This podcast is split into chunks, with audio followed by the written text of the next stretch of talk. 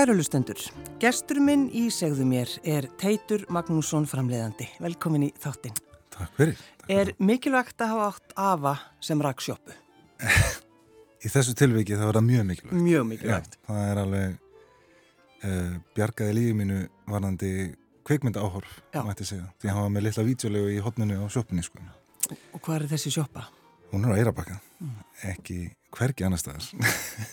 og hún er í miðju Eirabakka, þannig að við getum sagt að þetta er bókstalegi nafla alheimsins. Jú, jú, jú, jú.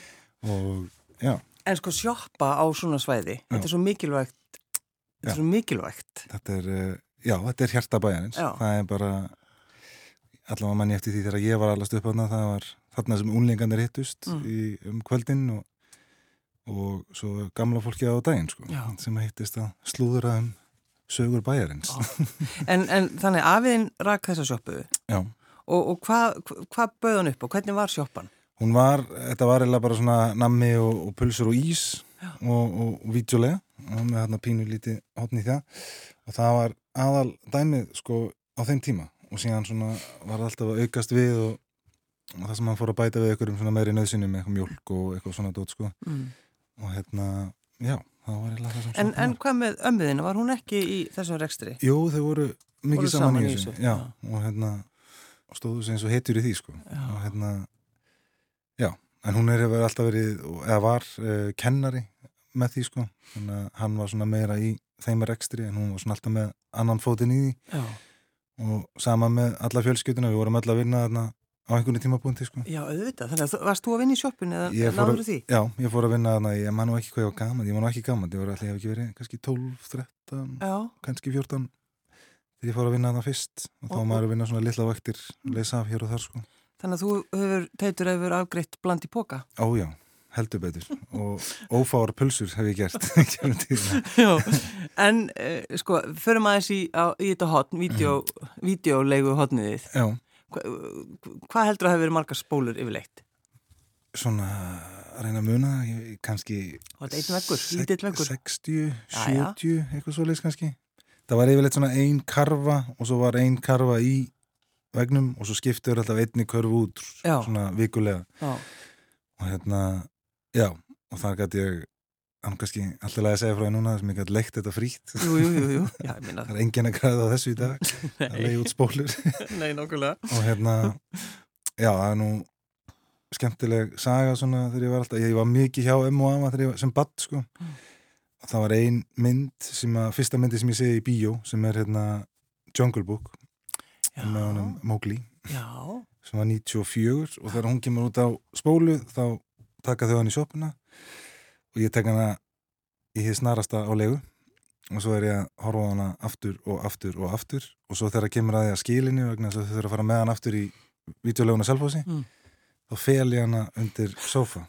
Og ég gerði þetta oftar en einu sinni Bara ég er búin að leita að já, henni. já, og bara nákvæmlega þannig og amma var hérna, hvað er þessi spólu? og ég er bara, ég kem á fjöllum Já. ég veit ekkert er svo kemur hún aftur heim og þá er ég ennþá að horfa á hana Já. En já, þannig að ferðalagi var alltaf að það þurfti að ná í, í spólur Já. á Selfoss. Já, við fórum alltaf með eina körfu og það var eitthvað, ég man ekki hvað það var helmingurinn að ég voru nýjar og svo voru gamlar með Já. þannig að hérna og eins og þú kannski mannskvönd að var í gamla þetta þá gæstu ekki séð nýjustu spóluna því að einhver annar var að horfa á hana heima Jú, já, svo líka þegar maður, sko, þetta er svo gamlega talmynda, þegar maður pantaði, Já, akkurat, já, gæstu tekið hana frá já, akkurat, ætlar að taka frá Já. þetta nýju.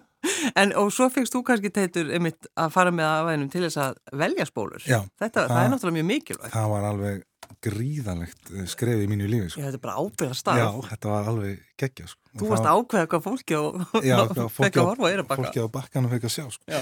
Já, það var alveg geggja og þá, hérna, þá gæti ég svona aðeins vera að taka mínar myndir inn í þetta. Já, svona með því, að þeir voru svona yfirleitt yfirleitt að ég mann rétt sko, þá voru þeir bara með tilbúna körfi sko, en svo fekk maður aðeins að pota í hann og svona, getum við ekki tekið þessa frekar en þessa, og eitthvað svona smá sko. Þannig að, já það var geggjaði Þetta- tími Já, þetta er sko, það er ekkert gaman, nú getur maður, eins og sumir segja, "Æ, nú getur bara bara að horta á allt og séð allt, Já. maður þarf ekki að býða eftir neinu. Nei, nákvæmlega, og ég tek líka rosalega eftir því, maður, er einhvern maður sjálfur dettur svolítið í þetta aðteglis brestar dæmi sko að maður nennir ekki að horfa á þetta, maður fílar þetta ekki eða eitthvað þá stoppar maður bara og finnur sér eitthvað annað sko. Já, einmitt. en í gamla daga þá var þetta ein ný og ein kömmul Já. og tveir dagar og þú þurfti bara að horfa á þessa nýju og þessa kömmlu þú þurfti að leggja vinnun í það Já, sem að ég sakna rosalega mikið já. Þú ætti kannski þetta bara að opna vídeolegu og það kemur að, það er Já. náttúrulega er held ég ein, held ég henni í bænum Já, það er ein eftir, er það ekki? Jú, ég ég held held að, já. sem er náttúrulega alveg stórkoslegt. En, en fyrir þig sko bara alast upp við hafið. Já. Uh, veist, hafði það áhrif á þig? Þetta var náttúrulega nafli alheimsins þannig að það er alveg gekkja. Já, já, algjörlega og það var náttúrulega frelsið og, og svona þannig hlutir sem eru náttúrulega ákveðin forréttindi bara. Já. Þú Veist, það var ekki neitt, um, maður gæti ekki farið neitt þannig að maður veist, týndist ekkert eða neitt svona, það var ekkert svona eins og í bænum. Þannig að, já, og maður var einhvern veginn fór út á mótnana og kom bara heim á kvöldin Já. og það var bara rútínan í þá daga, sko. Þannig að, já. Hva, við hvað störfuðu fóreldraðinir eða starfa? Mamma var nú svolítið í sjópunni Já, og já, og hún var svona svolítið út um allt líka sko í alls konar störfum en og svo er pappi, hann hefur búið erlendis síðan ég var 23 ára gammal og hann er hestamæður í Svíþjóð Mm. svona, ætlaði að mætti ekki kallast heimsfrægur kannski, hann er markfaldur heimsmeistar í Íslandshestum sko en ég fekk ekki þá bólu nei. eins og flestir í föður fjölskylduna fengu Já, þannig að þú ert ekki, hefur engan áhuga höstum. nei, ekki, nei þannig að ég er eiginlega svona svartur sauður á Já, þeirri hlið ekki tala við þig. nei, Já, en það er auðvitað. En það sem gerist kannski hjá þér að, að það, er, það er sjoppan mhm og vídeolegan Já. og áhugi á kvikmyndum. alveg big time sko. Já, það er hérna ég man svona næstu því ennþá eftir þegar að ég sé James Bond í fyrsta skipti sko. og það er það sem að kollvarpar mínu lífi sko. en mannstu hvað mynd það var? það var Moonraker frá 1979 Algjörlega stórkoslega mynd. stórkostlega mynd uh, Roger Moore alveg í essinu sínu Já, já, já, já. og svo er það þarna Pírs Brosnan Bondin sko, sem er 95 til 2002 Mm. sem er svona mín æska. Já, já.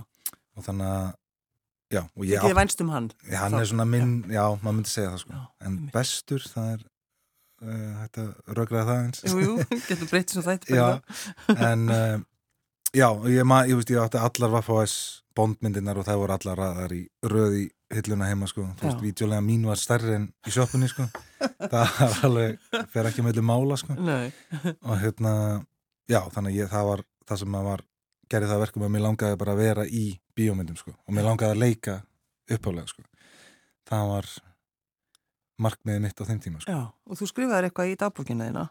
Já, ég skrifaði að ég ætlaði að vera James Bond Já. árið 96 og þetta fann ég, fann ég um daginn í lítilið dagbók það var bara ég er James Bond Já, því líka metnaður. og líka metnaður ég reyndar ekki breskur en Nei, nei. maður getur breytt í En hvernig var, hvernig var í skólanum, Teitur? Hvernig var að vera í skóla á Eirabakka? það var bara fínt, fáment en góðment Já.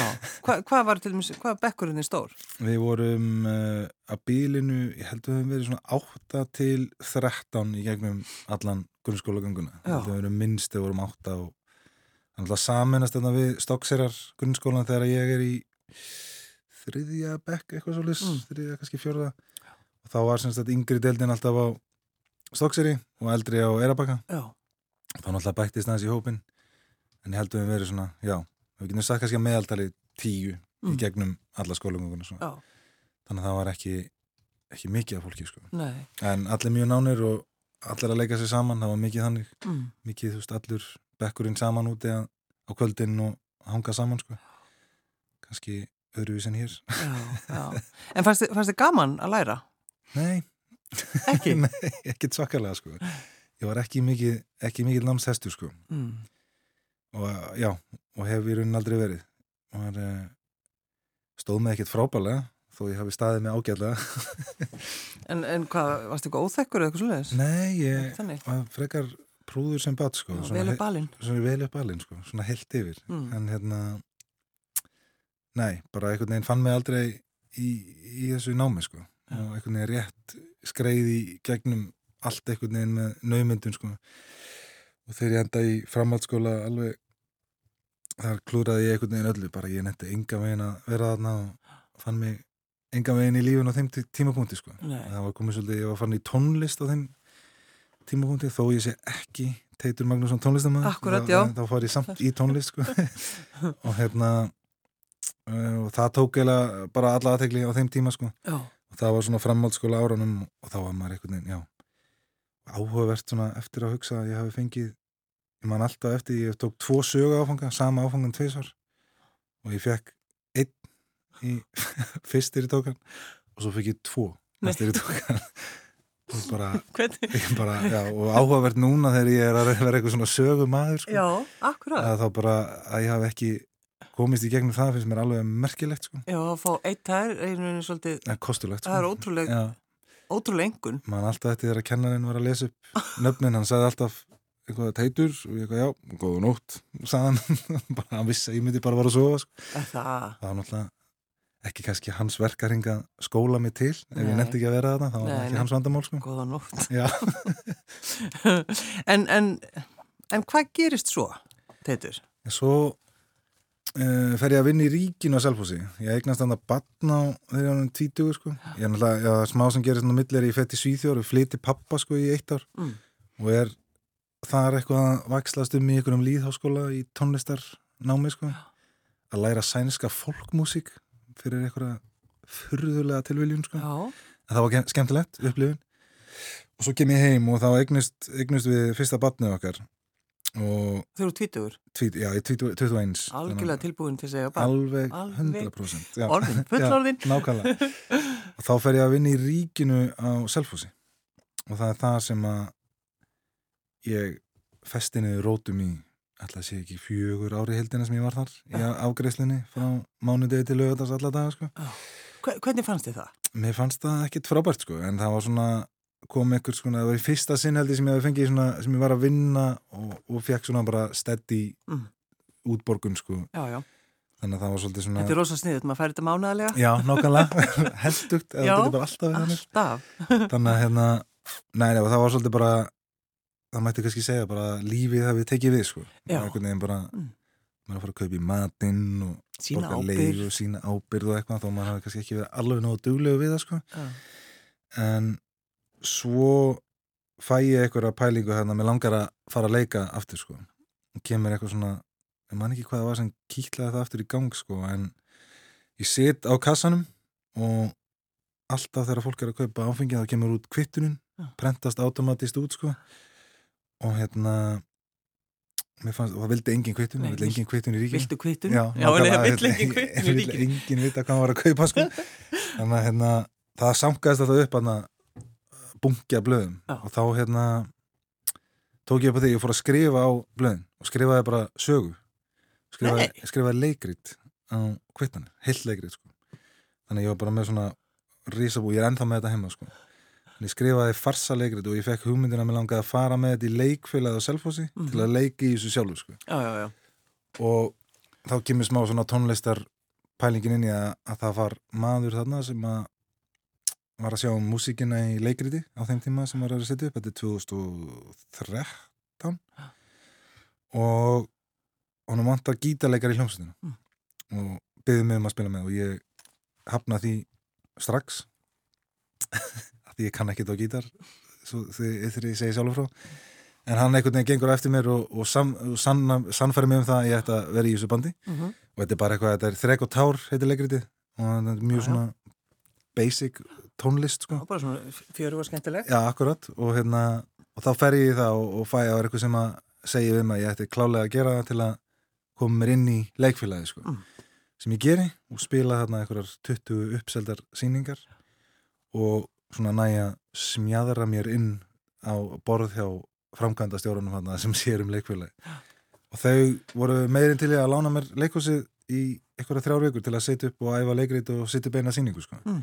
Og þá fekk ég hérna eitthvað fólk úr, úr þessari sýningu og við settum upp farsa á, á leikfélaginu á Selfossi Já, og hvað mar voruð marga sýningar? við settum bara eina að þau þurfti að fara í vetra sýninguna þannig að dýllið var bara, við fengum það í fjóra vikur Já. þrjár vikur í æfingu og svo bara ein bombu sýning og var alveg meir en uppselt sko, það var tróðið í salim sko Já.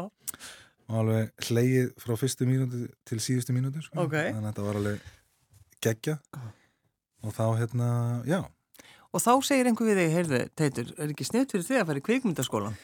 Já, svona næstu, ég fer í bæinn í og lætt flytja mig í lálagerinn í ríkinu upp á höfða Mm. og að því ég nefndi ekki að ágreða fólk í ríkinu eða, og þá fer ég að vinna á lagernum og á sama tíma þá kaupið mér snjálfsíma í fyrstskipti og þetta er í lók 2014 Mm.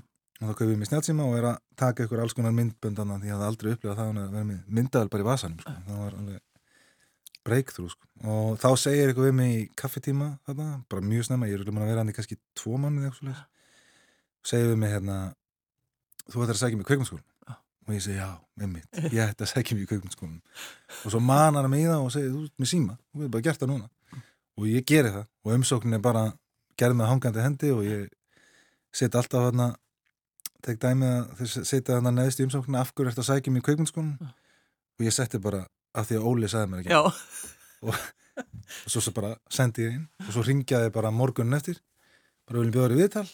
Og ég mæti bara beint upp í skóla og þeir taka mig í viðtal og segja mér að skólinn byrjaði fyrir viku síðan Mm. og þeir þurfa að taka ákvörðu núna og bara setja mig fram í kaffi í tvæ mínútur, ræða saman og koma fram og ráða mig inn og ég byrjaði daginn eftir. Nei, bara sóla ring í rauninni eftir að ég sótt um sko. Varst ekki með smá svitaperlur? Jó, þetta var alveg bara, ég veist, ég ætla að kasta öllu bara, þú veist, ég var ný komin hann í bæinn í vinnu í ríkinu og eitthvað, búin að láta flytja mig og, en þetta var bara gjöf, sko, Já, og hérna, þá fer ég bara og, og ég sagði við mömmu minni mig að þarna ætlaði ég að fara og ég ætlaði að dugsa skólan í upphæði, mér minnir ég hafi sagt það alveg í upphæði, að því ég var búin að vera einmitt ekki frábær í skóla fram að því. Þú ert að tala um hann að þú fyrst einn, Já, einmitt, akkurat það. Bara minna það á það? Já, einmitt, já. Og hérna, já, og svo fer ég þann inn og bara tek þennan skóla og bara fer all in í það, sko. Mm. og ég útskrifaðist með hæstu einhvern Aha, í, minni, mínum uh, áfunga þá skulum við núna hlusta á eitt lag.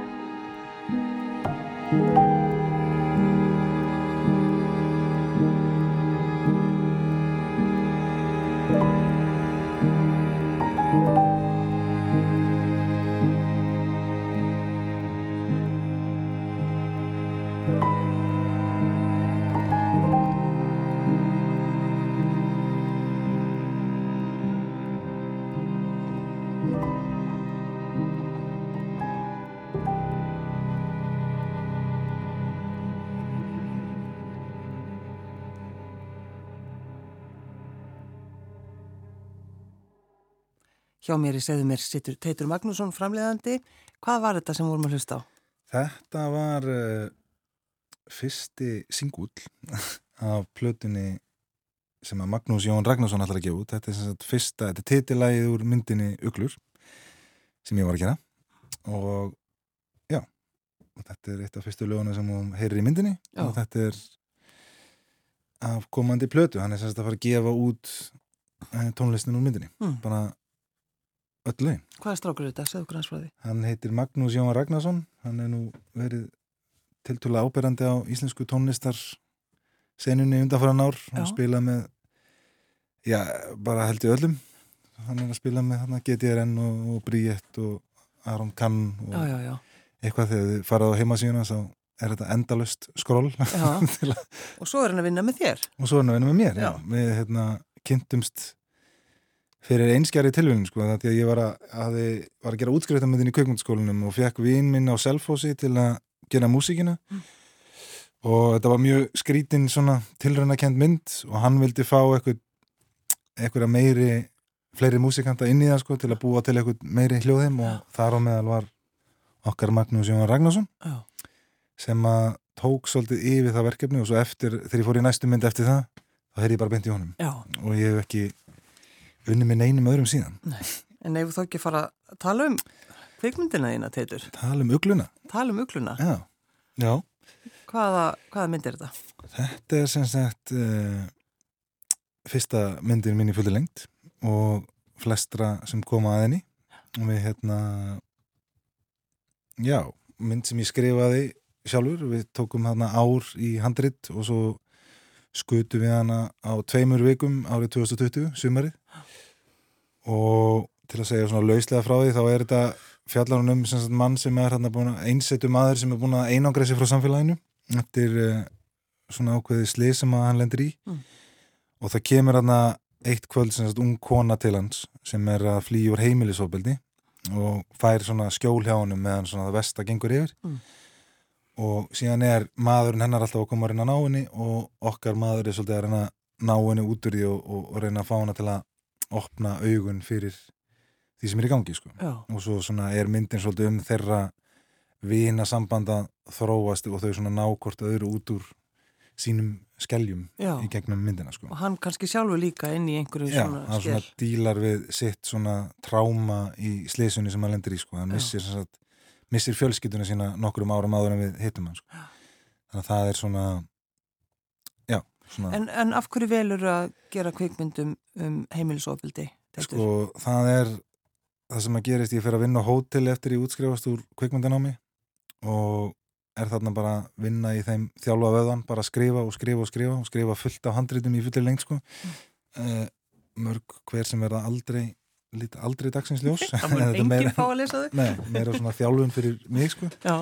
og það sem gerist er að ég var vittni af uh, heimilisofbeldi á milli pars sem er þarna frá Breitlandi í helgaferð og þetta er sem sagt þannig atviki er þannig að ég kem á vakt ég er alltaf á nætuvakt, ég er Mm. bara á nætuvaktum og það er búið að taka konun úr aðstæðunum og það er verið að róa hana niður og henni sem gefið útlitað annað herbyggi bara frítt og ég er beðin um að sagt tilkynna korki manninum hennar að hvar hún sé en einum öðrum.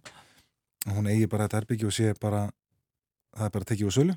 Og síðan kemur hún að það svona tveim tímum eftir að ég tekið við vaktinni og tilkynna mig það að hún neyðist til að fara aftur upp í herbyggi og það er eitthvað sem ég skildi ekki, botnaði ekkit í og ég sagði við hana þetta herbyggi væri bara hennar. Já. og hún þurfti ekkit að hafa ágjör af því að það var eitthvað þannig sem að var angranna sko. en hún bara já, sagði að þetta væri eitthvað sem hún þurfti að gera Mm. og svo fylgdist ég með henn hann í, í myndalunum þegar hún stendur fyrir utan hurina og er inni svona manar sig aftur inn í, inn í herbyggi sko, Inn í aðstæðunar. inn í aðstæðuna sko. Og þá hérna fór ég eitthvað að kynna mér þetta betur bara mér fannst þetta mér fannst þetta bara skrítið af því ég hafði aldrei einhvern veginn upplegað þetta svona nálega mér áður og þá er þetta náttúrulega bara asnalega algengt sko og þá fannst mér einhvern veginn verðt að skrifa um eitthvað skonar atvik sem var svona í líkingu við þetta. Mm. og hérna og ákveð sem sagt að við, þetta er í ágúst eitthvað svoleiðis 2019 og ég ákveð, ok, ef við skrifum hérna handrit þá tökum við halvt ári að skrifa.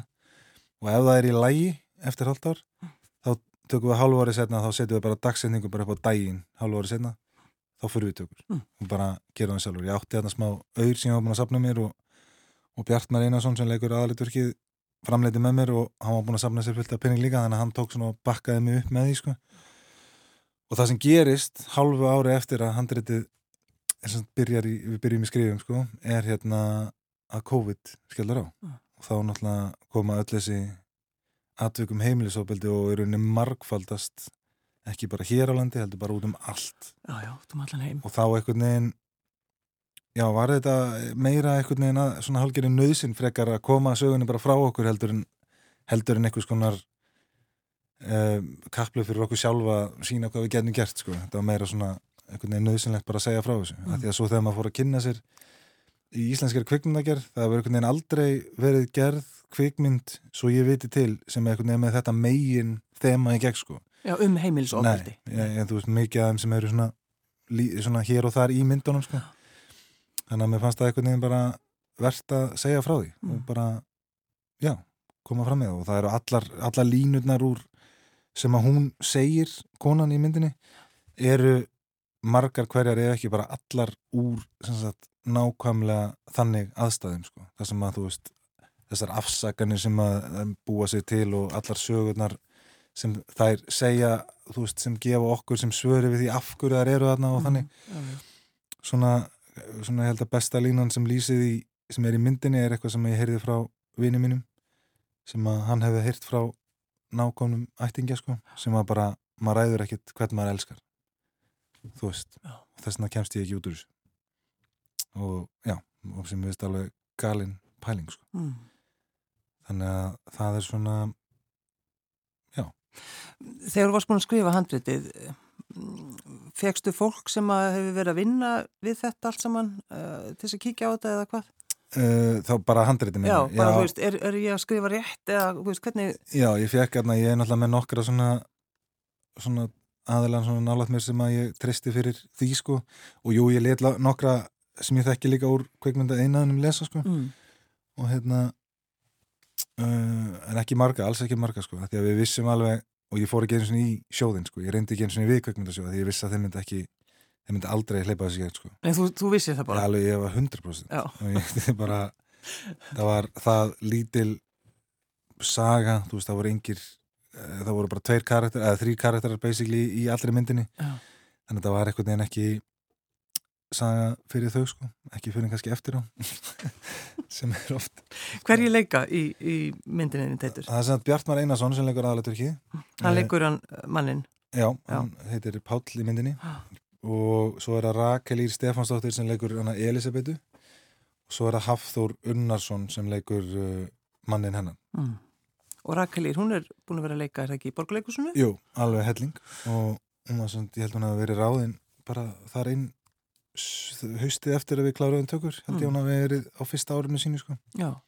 En hún er semst útskrifuður lista áskólanum og já, þurftur að sannfara hana um að taka þátt í þessu? nei, alls ekki það var bara mjög auðvelt Eh, hún semst að hún, eh, við hittumst fyrst þegar ég geri tónlistin í þrek og tár, þá var hún að leiki því á já. hún er sem sagt og kannski önnur skemmtileg tenging að mamma hennar var forstjóri leikfélagsins framkvæm, nei, forstjóri, já, eitthvað leikfélags selfhósar á þeim tíma sem ég talaði um sko. Já, ég held allir að tala um að hún vann í sjoppunni. Nei, að já, það, það hefði verið, já, það verið betri það tenging. hefur verið skemmtileg slaufa sko. Já, Það rétt, já.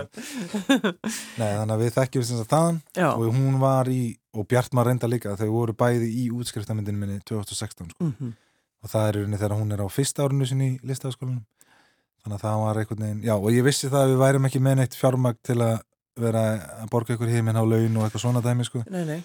þannig að þetta var meira ég sankaði það með fólki sem ég þekkti og þetta er meira svona sínum svona uh, nafnspjald fyrir okkur til að sína hvað við getum gert sko. Já, og þá fyrir alla aðeila sem komaða sko. Já. og það var svona okkar markmið sko. Og, og þú, sko, þi- þú gerir hana, þú skýtur hana á tveimur vikum, já, 13 dögum 13 dögum, Já. uh, rétt alveg þeirra, er það ekki? jú, alveg þeirra fyrir utan Selfoss, það passar Já, og ég las einmitt, það var einhver grein í, í uh, söður sunnlenska sunnlenska fyrir gefiði Já. og það er einmitt verið að tala um þig og þá er einmitt sko vera að benda á út frá eirabakka. Já, einmitt. Já. Það er mjög mikilvægt að Já. það koma fram, sko.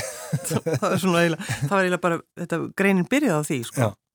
Það er svolítið skemmtilegt. En þannig að, sko, tvær vikur, Mhm. engin peningur, Nei, ekki þannig sé. eða, já. Já. Veist, Hvernig gekk þetta? Þetta var uh, förðulega auðvelt, sko. Þannig, þannig þú veist, tökurna sjálfar voru ekkit uh, það flokkan, sko. Þetta var náttúrulega, jú, þetta var náttúrulega undirliggjandi stress og allt það, sko.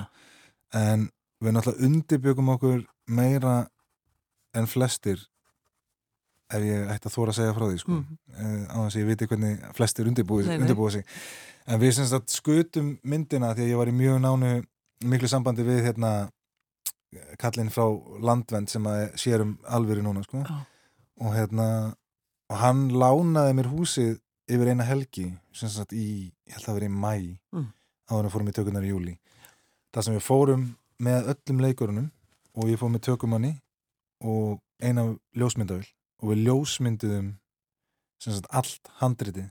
Þá vorum við búin að setjast niður og setja sem sagt hvaða ramma við vildum í hverju sinu og þá römmuðum við alla söguna inn Já. og svo fórum við heim og leikarnir lásu allt handritið frá aðtilu og svo kliftu við það saman við ljósmyndir. Og þá er rauninni ég man ekki hvað það voru 330, 350 eitthvað svoleiðis sem sagt uppsetningar á kameru gegnum þetta ferli sem við slöifum alveg niður í 200 þannig að við spöruðum okkur þarna í rauninni 150 uppsetningar bara með að fara þessa eina helgi og klára það sko. Já. og þá einmitt fundu við uh, út svona meira að því við vorum meira en að nýta okkur að finna bara ljósmynda ramma Já. skilur, hvernig við getum sagt þessi saga segir okkur miklu meira heldur en að við erum hér og hér og hér og hér. Þú veist út um allt með kameruna. Og það var svona okkar uh, maður að segja bara svona verkfæri Það er svolítið eins og horfa á sko, kvikmynd, Já. nei, horfa á, á, á ljósmynd Já. eða bara málverk. Þú, þú virðist hugsa, þú hugsaður um allt. alveg allan daginn sko. Og það er mynd segir meira en þúsund orð Jú, jú. það er þannig sem við fórum að þessu Já. Uh, er ekki verið að sína kvikmyndina í dag? Í Jú, bíó? hún er í Bíóparadís það er allavega nokkra sýningar eftir þannig að hérna hvetjum fólk eindreiði til að skella sér á það Hvernig viðbröð hefur fengið? Ég hef fengið bara sko nokkuð góð viðbröð sko. Ég hef alveg fengið líka ákveðin viðbröð eins og sem sagt, við fórum erlendis með hana á nokkrar hátíðir Mm. og það er alveg áhugavert sko því það seldist upp á við fórum á sagt, stæðstu kvikmynda í Norex og það seldist upp á alla sagt tvísvar, það seldist upp og síðan var ringað eitthvað fjöldatakmarkunum og seldist aftur upp og hérna og þar fengum við, við fengum almennt góða, góð viðbröð en við höfum alveg fengið svona gaggrinni líka út á það sko, sem er bara, þú veist, þetta er erfitt subject að tækla sko, þannig að þú veist maður tekur því mjög glöðu ekki því, Mm. en svona heilt yfir höfum við fengið bara frábær viðbröð Já.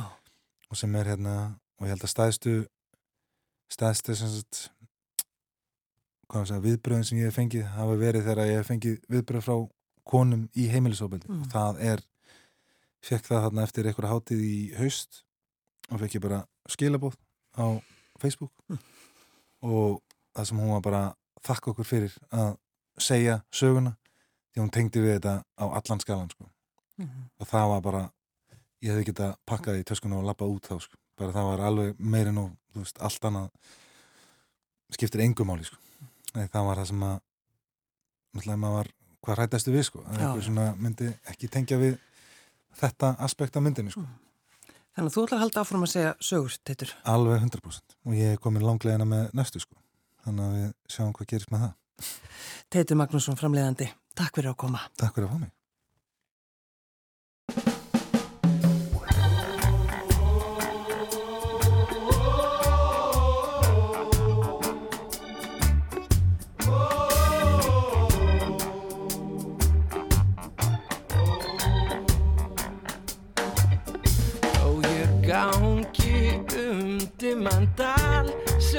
hafa skapað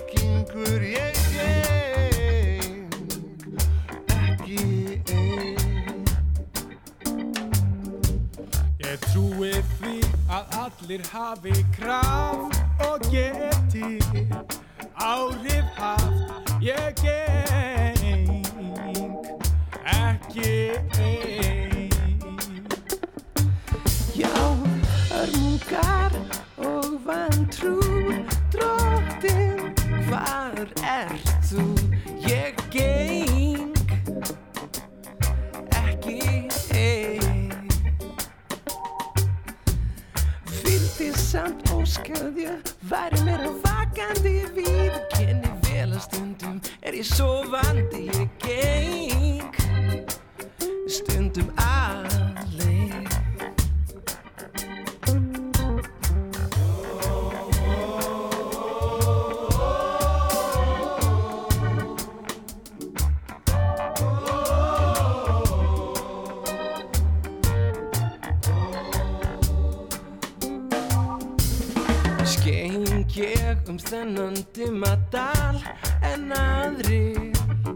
gangum svartari sal. Ég